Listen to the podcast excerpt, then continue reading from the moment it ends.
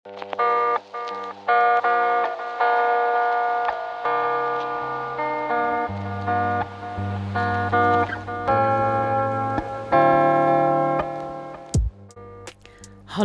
ik ben Refly en welkom bij de Loslaatclub. Oftewel mijn podcast waarin ik je inspireer om je perfectionisme wat meer los te laten en te gaan genieten van een vrijer leven met minder stress. We leggen de lat eens lekker laag en ontdekken dat het leven super leuk en chill is zonder je te laten beperken door je perfectionisme. Ook deel ik tips voor een creatiever leven en hoe je dat doet op jouw voorwaarden. Dus hoe ben je je perfectionisme meer de baas? Hoe leg je die lat nou een stuk lager? En hoe creëer je nou dat relaxte, chillere en creatieve leven? Ben je er klaar voor? Huppatee, daar gaan we! Hallo, Refly hier. En goedemorgen, goedemiddag of goedenavond. Het is maar net wanneer jij nu natuurlijk naar mijn podcast luistert. Voor mij is het goedemorgen. En deze podcast wil ik het met je hebben over. Je hebt altijd een keuze. Dat wat je overkomt, kan je vaak helemaal niets aan doen. Traumatische jeugd, een ongeluk, ziektes, verlies van je baan, verlies van je geliefde, familie, uh, je kind, je huisdier. Er kunnen zoveel dingen gebeuren in je leven waar je precies nul invloed op hebt. En uh, nee, dat trek je dus niet aan door negatieve gedachten. Daar geloof ik absoluut niet in. Uh, niemand vraagt erom om ziek te worden. Uh, niemand vraagt erom om een familielid te verliezen, om aangereden te worden of om je baan te verliezen. En dat straal je gewoon niet uit. Niemand straalt dat uit door negatieve gedachten. Ik geloof wel in aantrekken wat je wel wilt. Door je goed te voelen. Maar daarover later meer. Deze podcast gaat over altijd een keuze. Uh, dus niemand straalt het uit door negatieve gedachten. Uh, dingen die gebeuren in het leven. Ik geloof ook niet in alles heeft een reden. Of alles gebeurt om een reden. Echt, ik geloof dat zo niet. Uh, mijn lieve vriendin Lisbeth heeft 21 jaar voor echt een doodzieke zoon gezorgd. Misschien ken je haar wel. Uh, ze is fotograaf. Um, in 2014 verliest ze van de een op de andere dag haar man. Uh, super, super, super heftig. Ze staat er met twee kids compleet alleen voor. Twee jaar later verliest ze ook nog eens deze hele zieke zoon. En daarna moet ze dus ook nog haar huis uit. Dus uh, alles gebeurt om een reden? Ah, nee. dit had ze gewoon echt niet verdiend. Niemand niet, weet je. En dat roep je dus ook niet op jezelf af. Er is gewoon echt nul, maar dan ook nul reden waarom dit zou moeten gebeuren. Waarom Dennis zo ziek geweest is. Dus da daar kan je bij mij gewoon echt niet mee aankomen. Um, maar zij is zo ongelooflijk waanzinnig, dapper en sterk. Ze heeft een andere woning gefixt. En nadat een aannemer haar ook nog eens een keer in de steek gelaten heeft, hè, die liet er gewoon zitten, heeft ze het compleet zelf opgeknapt. Dus niet alleen schilderen, maar serieus ook gewoon tegels eventjes in de wc en in de keuken zelf gaan zetten. Uh, hallo. Uh, weet je, YouTube is dan echt je beste vriend. En natuurlijk heeft ze extreem veel verdriet gehad. En is het allemaal super heftig geweest. Maar ze heeft wel dit zelf allemaal voor elkaar gebokst. En Lies, als je luistert, ik ben echt zo fucking trots op jou. Uh, het gaat nu overigens meer dan goed gek als ze nu luistert en ik praat nou over jou, maar het is alleen maar positief. Uh, weet je, ze heeft de, uh, na jaren eindelijk de liefde van haar leven ontmoet en ervaart nu nieuw geluk. Moet echt zeggen, ziet er zo stralend uit. En ik gun haar dit zo een miljoen keer. Maar goed, even terug naar alles gebeurt om een reden in Noep. Soms heb je gewoon dikke, vette pech. Trek jij aan het kortste eind. Was jij op het verkeerde moment op de verkeerde plaats? Of eigenlijk was die ander uh, op het verkeerde moment op de verkeerde plaats. Stel dat jou iets, zeg maar, aangedaan is. Um, maar waarom roep ik dan wel? Je hebt altijd een keuze. Nou, wat ik dus al eerder zei, uh, je kiest niet voor wat je overkomt. Het gebeurt. maar daarna is het dus de vraag: hoe deal jij daarmee? Hoe herpak je jezelf? En dat is wanneer ik bedoel: je hebt altijd een keuze. Net zoals Lisbeth. Ze had een keuze. Het was fucking heftig wat er allemaal gebeurd is. Eh, excuse my language. Ik ga er niet vanuit dat kindjes luisteren. Ehm, maar uh, ze had gewoon de keuze om door te gaan, niet op te geven, niet bij de pakken gaan neerzitten, uh, om hulp te vragen en het ook gewoon te krijgen. Um, dus hoe heftig het ook was, wat ze allemaal overkomen is, ze had de keuze om door te gaan of om uh, te zwelgen, zeg maar. Ja, dat klinkt negatief, dat bedoel ik natuurlijk niet zo, maar ze heeft echt zelf dit voor elkaar gebokst om er weer uit te komen. En dat bedoel ik dus met uh, dat je altijd een keuze hebt. Maar goed, um, nu denk je misschien, ja, jij makkelijk lullen met je drie bedrijven, personeel en nogal een riant huis. Ha, maar dat heb ik ook niet zelf cadeau gekregen, zeg maar. Hè? Uh, ik heb dit allemaal zelf gecreëerd. Dat durf ik echt te zeggen. Ik en oké, ook Arjan. Uh, wij hebben dit leven zelf zo gecreëerd. We hebben hier keihard voor gewerkt om dit te bereiken. En ik had dit allemaal niet bereikt als ik op de bank had blijven zitten om Netflix te bingen. Om even wat te zeggen. Of om de hele dag door Instagram en Facebook te scrollen en te zien hoe succesvol andere mensen zijn. Maar goed, altijd die keuze dus. Ik zal je even meenemen een stukje van mijn verleden. Uh, zonder in al te heftige details te treden. Dat is gewoon niet nodig. Um, en vind ik ook te persoonlijk. Nou, Arjan en ik die zijn al sinds 1991 samen. Dus de snelle rekenaar, ja, ik was 16. Ik kom uit 1974. Op dit moment ben ik 46, bijna 47 jaar. En uh, we zijn eigenlijk niet gewoon samen van in de zin dat we toen verkering hadden. Nee, op mijn 16 en een halfste, dus we waren serieus zes maanden bij elkaar, uh, woonde ik al bij zijn ouders. Hij had zeg maar de jackpot vriendin met enorme bagage gevonden. Daar maken we nu nog wel eens grapjes over. dat hij gewoon echt niet van me afkwam. Hoppakee, daar was ik. Uh, nou, ik ga verder niet enorm uitweiden over mijn verleden. Daar vind ik de podcast sowieso te kort voor. En uh, ik vind het te persoonlijk. Maar laat ik in het kort zeggen: mijn jeugd was nogal traumatisch. En zo traumatisch dat ik dus op mijn zestiende nog maar één uitweg zag. En dat was run. As fast as you can, zeg maar. En uh, Arjan en zijn familie waren voor mij toen echt een toevluchtsoord. Uh, ik heb daar drie jaar gewoond. En in die tijd deed ik mijn HAVO-examen. En uh, besloot ik om één jaar schroevers te gaan doen. Directiesecretaresse. Iedereen die me nu kent denkt echt, huh? maar goed, ik, ik dacht toen gewoon, ik moet heel snel zorgen dat ik zelf geld kan gaan verdienen. Uh, het laatste wat ik wilde was op Arjan of zijn ouders zakteren. Uh, en zij hebben in de periode van mijn 16e tot mijn 19e ongeveer, dus wel absoluut alles voor mij betaald. Die schroeversopleiding bijvoorbeeld, dat weet ik nog heel goed, was 10.000 gulden. En dat was werkelijk waar voor negen maanden les. Het was niet eens een vol jaar. Uh, ik moest vanuit Roelevarensveen naar Den Haag op school. Dus eerst met de bus, dan met de trein, dan met de tram. Dus enkele reis was ik bijna twee uur kwijt. Uh, maar ik wist gewoon, ik moet dit gaan doen. Maar ik had dat geld natuurlijk helemaal niet. Arjan liep toen volgens mij stage of had net zijn eerste baan. En hij heeft dat gewoon betaald. Hij heeft gewoon die studie voor mij betaald. Ook in mij geloof dat ik riep, ik ga dat allemaal doen. Um, en uiteraard, hè, ik haalde ook alles uh, met gemak. Als je er op die manier denk ik ook in staat, dat je weet, dit, dit krijg ik gewoon van iemand anders. Ik krijg die kans, ik ga die studie doen.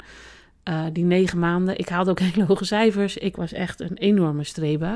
Ik was natuurlijk als de dood. Als ik het niet zou halen, dan moet je dat allemaal uh, terugbetalen of zo. Um, maar uh, ze hebben dus niet alleen alles voor mij betaald. maar ook echt een dak boven mijn hoofd geboden. En last but not least, ze hebben me laten voelen wat familie is. Wat liefde is. Wat altijd er voor elkaar zijn is. Dus ik had opeens een thuis. En iets wat ik dus 16 jaar lang niet had gehad. Uh, ik heb 16 jaar lang in angst geleefd, in een huis waar ik niet veilig was. Maar ik heb zelf het lef gehad om daar weg te gaan. Ik was dus 16. Oké, okay, 16 en een half. Nou, mijn kids zijn nu 14 en 18. ik kan me er nu helemaal niks bij voorstellen. Dat ik echt denk, huh, hoe... Nou ja, goed, dat is een hele andere discussie. Hoe is het mogelijk? Weet je, dat dat je dan allemaal overkomt en dat je dus 16 bent en dus eigenlijk gewoon letterlijk stond ik eigenlijk op straat. Gelukkig kon ik bij hun terecht. Maar goed, uh, ik had dus een keuze. Wat mij in mijn jeugd allemaal overkomen is, daar heb ik zelf geen invloed op gehad. Uh, ik heb wel allemaal overlevingstechnieken geleerd uh, van mezelf. Je brein wordt namelijk vanzelf een soort van creatief als je in zulke situaties verkeert. Jij ook. Mensen zeggen ook wel eens tegen me, uh, bijvoorbeeld als ze zien dat ik bloed moet prikken, of dat vragen ze: Moet je dan zelf die sensor in je arm schieten? Voor de nieuwe luisteraars, ik heb diabetes. Um, dus daar komen nog wel eens wat naalden aan te pas. En dan zeggen ze: Nou, zou ik echt niet kunnen. Um, jawel. Want het is namelijk of dat of dood. Zo simpel is deze ziekte gewoon. Of je doet het, of je gaat er gewoon uiteindelijk dood aan. Um, als het niet direct is, dan wel aan de gevolgen van. Simpelweg is, ik kan niet zonder insuline. Dus als ik daar niks aan zou doen, dan leef ik misschien nog twee, drie dagen en houd het gewoon op. Dus mensen die dan zeggen, ja, dat zou ik niet kunnen, of nee, hou ermee op. Iedereen kan alles wat nodig is. Um, dus je, je brein gaat op een andere manier denken. Dat is gewoon echt zo. Als je weet, oké, dit is nu levensbedreigend, of ik zit ergens mee, uh, wat niet oké is, dan ga je toch op de een of andere manier uh, creatieve uitwegen verzinnen. Jij dus ook. Uh, en mijn keuze was destijds, dus even weer terug hè, naar mijn 16-jarige ik. Blijf ik hier? Laat ik me de rest van mijn jeugd ook nog afpakken? Of vertrek ik? En uh, ik wist werkelijk waar niet hoe of wat. Ik was natuurlijk hartstikke jong. Het enige wat ik wist is, ik, ik moet hier gewoon weg. Uh, nou ja, de keuze lijkt me duidelijk. Ik ben weggegaan met één tas.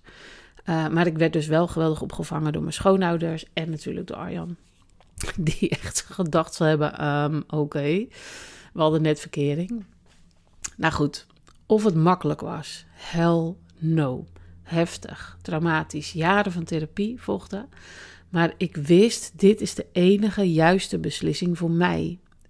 En uh, ik heb nu dan ook al 30 jaar geen contact meer met mijn ouders, broer, zussen. En dat is mijn eigen keuze. Dus ik ben niet zielig. Ik heb daar zelf voor gekozen om uit een toxic, uh, abusive, zeg maar, uh, gezin te stappen. Um, en waarom vertel ik dit nou? Het is natuurlijk hartstikke persoonlijk. Uh, en heel veel mensen weten dat ook helemaal niet van mij. En het geeft ook helemaal niks. Veel mensen zeggen ook: Oh, maar je bent altijd zo vrolijk. Ja, ik, ik heb mijn eigen leven gecreëerd. En ik zorg ervoor dat ik positief in het leven blijf staan. Om constant maar te blijven zien: wat heb ik wel? Wat is er wel? Um, en waarom vertel ik je dit? Om je duidelijk te maken dat in wat voor verschrikkelijke situatie je nu ook zit. Hoe heftig het ook lijkt op dit moment. Er is altijd een uitweg. Er is gewoon altijd een keuze. Nou goed, fast forward even terug naar het samenwonen en samen zijn. En of wij altijd happy ever after waren. Nou, hell no, daar komt hij weer. Uh, wat, denk, wat denk je zelf? Nou, in de beginjaren was het echt niet makkelijk om met mij te zijn. Angst en paniekaanvallen waren er normaal voor mij. En uh, nou ja, zie daar maar eens mee om te gaan. Nou, gelukkig is Arjan ook heel loyaal en standvastig, net zoals ik dat ben. En zijn we daar samen natuurlijk in gegroeid. Uh, maar hij zal echt wel eens op zijn achterhoofd gekrapt hebben en gedacht hebben: wat heb ik in godsnaam aan mijn kar hangen? Maar dat, denkt, dat denkt, hij nu volgens mij ook nog wel eens. Um, maar we hebben daarin dus ook altijd een keus gehad. Gooien we de handdoek in de ring? Nee, never. Gaan we opgeven? No way. Elkaar leren begrijpen en daarin samen groeien. En echt, wij hebben ruzies gehad, wij hebben ellende gehad. Ik heb regelmatig gedacht: kan je niet even een jaar of zes ergens anders gaan wonen of zo? Uh, maar uiteindelijk weet ik wel nu, na 31 jaar te zeggen, of ik zeg deelt 31 jaar samen. Nee, we zijn 30 jaar samen. ik plak er gewoon nog een jaar aan, joh. Het voelt al als 31 jaar. Um, ik durf wel te zeggen, doordat we allemaal wat we doorstaan hebben, dat we nu zo krachtig en sterk zijn, dat ik echt denk: kom maar op. Kom maar op gewoon. Nou goed, we hadden verkering en in 2000 wist ik het zeker. Eigenlijk wist ik dat in 1999 al. Ik wilde voor mezelf beginnen. En Arjan was daar niet zo van overtuigd. Maar dat is ook wel een beetje hoe onze relatie is. Ik geel jump. En hij is meer van, ah, wacht even hoor, heb je hier en hier aan gedacht? Heb je daar aan gedacht? En zus en zo. Nou ja, nee natuurlijk, want ik denk niet, ik doe gewoon. Nou fijn, uiteraard kwam dat bedrijf er, 1 mei 2000, uh, Artifact Support. En destijds heb ik echt zoveel commentaar gehad. Mensen begrepen niet zo goed dat ik in mijn, uh, dat ik mijn best goed betaalde baan, fulltime baan, ook nog eens een keer opzegde. Uh, om het onzekere bestaan als ondernemer te gaan leiden. En uh, dat was toch wel een beetje iets wat je gewoon niet deed of zo vroeger, denk ik. Uh, sowieso, als je geen ondernemers in je omgeving hebt, is het veel moeilijker om voor jezelf te beginnen. En zelfs Arjan, mijn eigen Arjan, had ook zijn twijfels. En uh, zei hij van, nou, kan je anders niet eerst part-time dat gaan doen? En ik dacht, ja, de groeten. Dan zit ik ochtends bij het bedrijf, ben ik bijvoorbeeld aan het werk... en dan belt er een klant die ik dan eigenlijk wil helpen. Maar dat gaat niet, want uh, ik zit uh, bij een ander. Nee, dacht ik. Um, en ik dacht serieus alleen maar, en dat denk ik nu heel vaak... ook bij keuzes die ik moet maken... wat is het ergste wat me kan gebeuren? Um, en mijn graadmeter is tegenwoordig: uh, kan ik er de dood aan gaan? Nee, oké, nou ga ik het doen. Maar uh, destijds dacht ik bijvoorbeeld: ja, wat als het nou niet lukt? Wat, wat is het ergste wat er kan gebeuren? Oké, het lukt niet. En dan dacht ik: nou, eerst dacht ik: dat gaat me sowieso niet gebeuren, want het gaat me lukken. Maar ten tweede dacht ik: dan ga ik naar het uitzendbureau en dan heb ik morgen een andere baan.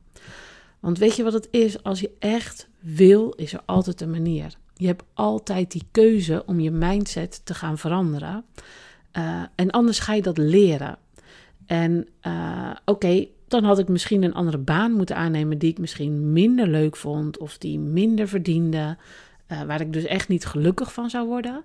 Maar dat risico wilde ik nemen, want werk zal er altijd voor me zijn. Daar was ik echt van overtuigd. Nou ja. In de eerste maand draaide ik dus al een omzet van ongeveer drie keer mijn maandsalaris. Dus uh, Arjan was natuurlijk helemaal happy de peppy. Er was helemaal geen sprake van dat het niet zou lukken, want ik maakte dat het lukte. En dat bedoel ik dus ook wel met je mindset. En uh, of het altijd zo lekker is gegaan in mijn bedrijf, nou ook weer die hell no. In 2010 zijn we bijna failliet gegaan. Dat was eigenlijk na de, volgens mij was de bankencrisis in 2008, 2009. Um, ik moest vier mensen ontslaan en we raakten bijna ons huis en het huis van onze schoonouders kwijt. En die periode was voor mij absoluut git, zwart en heftig. Uh, we moesten het pand uit. Uh, ik ging vanuit huis verder. Arjan kon half-half bij een soort conculega aan de slag. Dan mocht hij daar in de middag gebruik maken van de machines, zodat hij dan voor Artifacts uh, mailings nog kon verwerken. En ik bleef de klanten die we hadden uh, nog vanuit huis bedienen. Ook weer een waanzinnig heftige periode. Ik, ben ik bij de pakken gaan neerzitten? Nope. Ik had dus een keuze. Opgeven of doorgaan. En ik koos voor doorgaan, omdat serieus diep in mijn hart wist ik gewoon: ik, ik ga dit weer groter maken. Ik word hier alsnog weer succesvol mee. Uh, makkelijk. Nope. Mensen echt met twee kindjes van drie en zeven was het alles behalve makkelijk. Maar opgeven heb ik gewoon nooit gedaan. Het is gewoon geen optie in mijn hoofd. En als de kids dan op school waren of kinderopvang, uh, werkte ik me serieus een slag in de ronde. Uit school was ik er voor ze. En uh, s'avonds, als ze dan op bed lagen, huppakee, laptop weer open en door tot één uur s'nachts bijvoorbeeld. Of soms langer. Kapot was ik. Uh, maar ik wist gewoon, ik moet dit nu doen. En straks ga ik het goed maken met mezelf. Altijd een keuze. Dat is altijd iets wat altijd in mijn hoofd zit. Um, en ik wist toen, hoe heftig het ook is, hoe hard ik nu ook aan het werk ben, ik ben iets aan het opbouwen waar ik straks van ga profiteren. Daar ben ik zo overtuigd van geweest. Nou ja, de grap is, dat is dus, spoiler alert, dat is natuurlijk gewoon gelukt. Maar goed, nog even terug bij mijn verhaal. Uh, in 2014 trok het allemaal weer aan. Ik heb opende zelfs ook nog even een mixed media winkel voor degenen die dat nog weten. Nou, dat is een heel ander verhaal. Kom ik wel een andere keer op terug. Maar het raakte toen wel allemaal in een stroomversnelling. En uh, grote nieuwe klanten kwamen erbij, grote opdrachten. Uh, ik moest meer personeel aannemen. Ik heb een manager erbij aangenomen om mij dus meer verlichting te geven. Want serieus, ik liep op mijn tandvlees. Het jaar daarna kreeg ik ook diabetes. Soms denk ik stiekem een heel klein beetje Misschien is dat wel gekomen door altijd over grenzen te gaan qua hard werken. Maar goed, dat is ook een beetje onzin om dat te denken. Want het lichaam doet gewoon dingen waar je zelf niet altijd invloed op hebt. Uh, maar goed, ik had dus de manager erbij aangenomen, zodat ik wat rustiger aan kon doen. Uh, maar toen kwam ons droomhuis vrij. Uh, we hebben ook een gigaverbouwing gehad. En dat was allemaal in de periode 2014-2016. Ehm, en het jaar daarvoor, in 2013, heeft uh, Ruben ook zelfs nog uh, vrij heftig ongeluk gehad op de basisschool. Had hij zijn bovenbeentje gebroken. Dat is ook weer een heel ander verhaal. Maar die periode van revalidatie, ziekenhuis in, ziekenhuis uit, nou echt, dat heeft mij ook geen goed gedaan, zeg maar. Uiteindelijk alles is goed gekomen. Maar goed, in 2020 ja, was voor iedereen daar opeens corona. Maar ook daar geldt weer: er is altijd een keuze. Ga kijken wat wel kan in plaats van wat je verliest. Weet je, we mochten niks meer en mensen waren uh, negatief en verdrietig en uh, hè, ellende allemaal. Maar ga kijken, wat kan ik dan nog wel? Wat mag er dan nog wel? Nou, wij raakten toen een van onze grootste klanten kwijt, Rij Amsterdam. Um, van de een op de andere dag. Want het was toen natuurlijk opeens besloten, bam, evenementen, niks mocht meer doorgaan. Uh, daar had ik van de 10, 12 mensen die ik toen in dienst had, twee fulltimers op zitten. Dat was zo heftig, dat telefoontje van de directie van, uh, van de RAI, de directrice van die afdeling, laat ik het goed zeggen, uh, was echt heftig. Slikken, tranen, janken. Ik dacht echt, oh, daar gaan we weer. Dat is echt wel een gedachte die ik gehad heb. Maar ik probeer dat dan zo snel mogelijk om te zetten en denken: ho, wacht. Niet die negatieve spiraal in. Dit is wat nu de situatie is. En hoe ga ik dit uh, oppakken om het te veranderen? Dus ik had een keuze. Dus ik kon gaan zitten kniezen, uh, janken. Heb ik heus wel een dag gedaan. Um, of ik koos ervoor om full force voor mijn creatieve bedrijf te gaan. Want dat was iets wat altijd sluimerend in mijn achterhoofd aanwezig was. Ik wil daar nog steeds veel meer mee dan wat ik deed. En uh, mijn gedachte was: ik laat Judith, de manager, mijn artifacts nog meer managen dan ze al deed. Wat ze perfect doet, overigens. Um, zodat ik full force aan mijn creatieve bedrijf kan werken. Nou, nu het is 2021, geniet ik met volle teugen van al deze beslissingen die ik genomen heb ik heb altijd gekozen. Dus het is helemaal niet uh, klapje op me, hoe zeg je dat? Uh, uh, klapje op mijn schouder. Schouderklopje, wou ik zeggen. Um, maar ik ben wel trots dat ik altijd een keuze heb gezien. Ik heb gezien, ik heb altijd een keuze. En superleuk detail, de RAI is terug als klant sinds deze maand. Dus nou ja, hoe, hoe leuk wil je de cirkel rond hebben?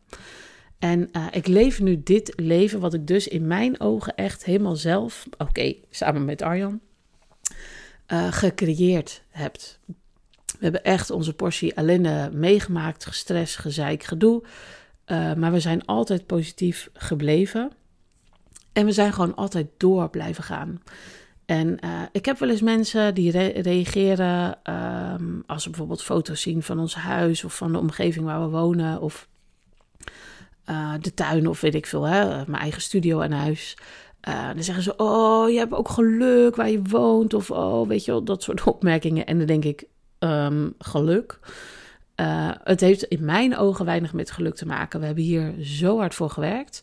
Toen het huis vrij kwam, dit huis had ik dus al op mijn radar sinds dat Sanne baby was. Want ik liep er altijd langs in de kinderwagen. Ik liep niet in de kinderwagen. Sanne lag in de kinderwagen en we liepen langs, ik moet het goed zeggen. Um, en toen het dus vrij kwam, wat ik dus al jaren op mijn verlanglijstje had staan, hebben we heel snel geschakeld.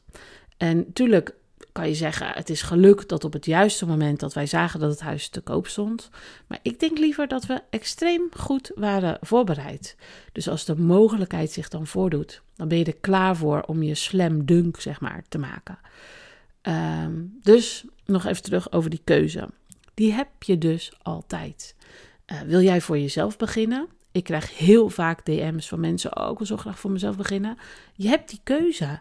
Ga je s'avonds Netflix kijken op de bank? Ga je scrollen op Instagram en Facebook, waardoor je alleen maar meer graag wil voor jezelf wil beginnen? Of ga je aan je grote plan werken? Je hebt altijd een keuze.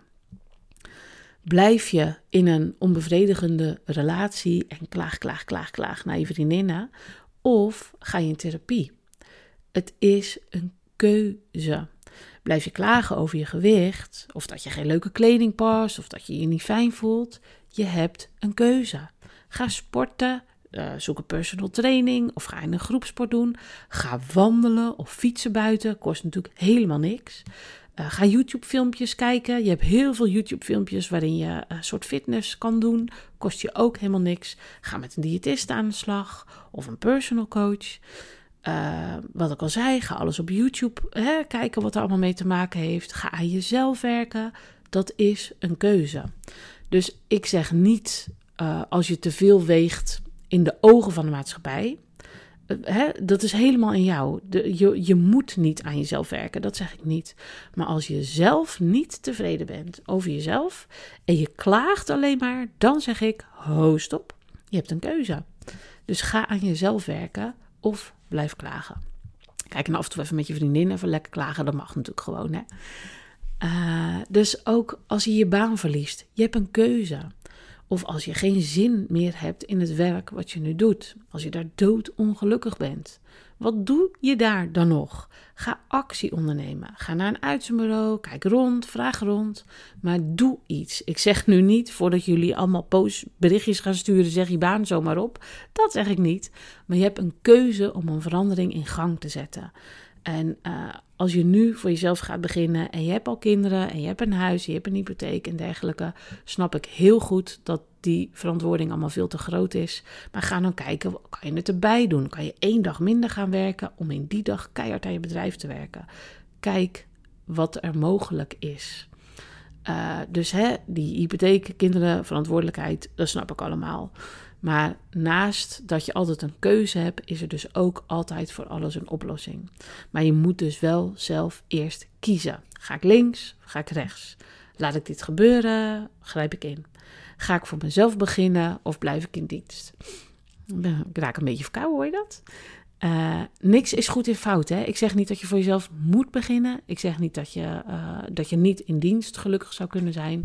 Maar kies. Als iets niet goed voelt, kies. Oké, nou, uh, thema van mijn podcast is natuurlijk de Loslaatclub. Maar dit soort thema's, keuzes, positief in het leven staan, zijn voor mij ook echt heel belangrijk. En ook echt wel een rode draad in mijn leven. En zonder de keuzes die ik allemaal gemaakt heb, stond ik dus niet waar ik nu sta. Dat durf ik absoluut met 100% zekerheid te zeggen. we hebben het echt hartstikke goed nu. Daar ben ik ook echt heel dankbaar voor, dagelijks. Um, en ik realiseer mezelf ook, ik heb dit zelf gecreëerd. Ik heb niks cadeau gekregen. Kei en keihard voor gewerkt. En nu, in 2021, durf ik te zeggen, ik ben echt zielsgelukkig met leven dat wij voor ons en onze kindjes uh, gecreëerd hebben. Dus ik heb nu veel meer rust en vrijheid dan ooit. Uh, had ik niet gehad als ik was blijven hangen in negatieve gebeurtenissen oprecht ook niet als ik op mijn zestiende niet besloten zou hebben: hey, fuck it, ik ga gewoon. Dit is gewoon niet wat ik verdien. Ik wil niet dit leven. Ik kies. Oké, nou, ik heb volgens mij aan het begin van deze podcast ook nog iets gezegd over aantrekken wat je wil. Uh, door je goed te voelen en dat uit te stralen. Maar goed, ik zit alweer ruim, ruim met tijd te oude nelen. Um, dus dat is echt een mooi onderwerp voor een volgende podcast. Kijk, zo verzamel ik ook gewoon weer onderwerpen. Um, en ik geniet enorm van al jullie reacties. Ik ben ook echt wel een beetje flabbergasted tegelijkertijd. Uh, met hoe gaaf de reacties zijn die ik krijg. Maar keep them coming, want echt, het doet me super, super goed. En het geeft me ook echt een gevoel van, ja, ik, ik kan blijkbaar iets betekenen via een podcast. Ik kan mensen inspireren, motiveren. Uh, ja, ben ik ook super trots op dat het gewoon kan. Dus, hey, toedeledoki, lieve schatten. Maak die keuze. En onwards we go. Dankjewel lieve schat voor het luisteren naar mijn podcast. Heb je behoefte aan meer positieve en creatieve inspiratie? Ga dan naar mijn website thecreativeplayground.nl. Schrijf je bijvoorbeeld in voor een gratis proefles waterverf in je art journal en zie en vooral voel wat perfectionisme loslaten met en voor jou doet. Vond je deze aflevering waardevol en wil je mij helpen? Maak dan een selfie of een screenshot en deel dit op je socials. Tag mij vooral, want ik vind het natuurlijk superleuk om te zien wie er luistert. En vind je dat meer mensen deze podcast moeten luisteren om ook wat chiller in het leven te staan? Zorg dan dat ik gevonden word. Dat doe je door je op mijn podcast te abonneren en een dikke vette review voor me achter te laten. Super lief van je en tot snel!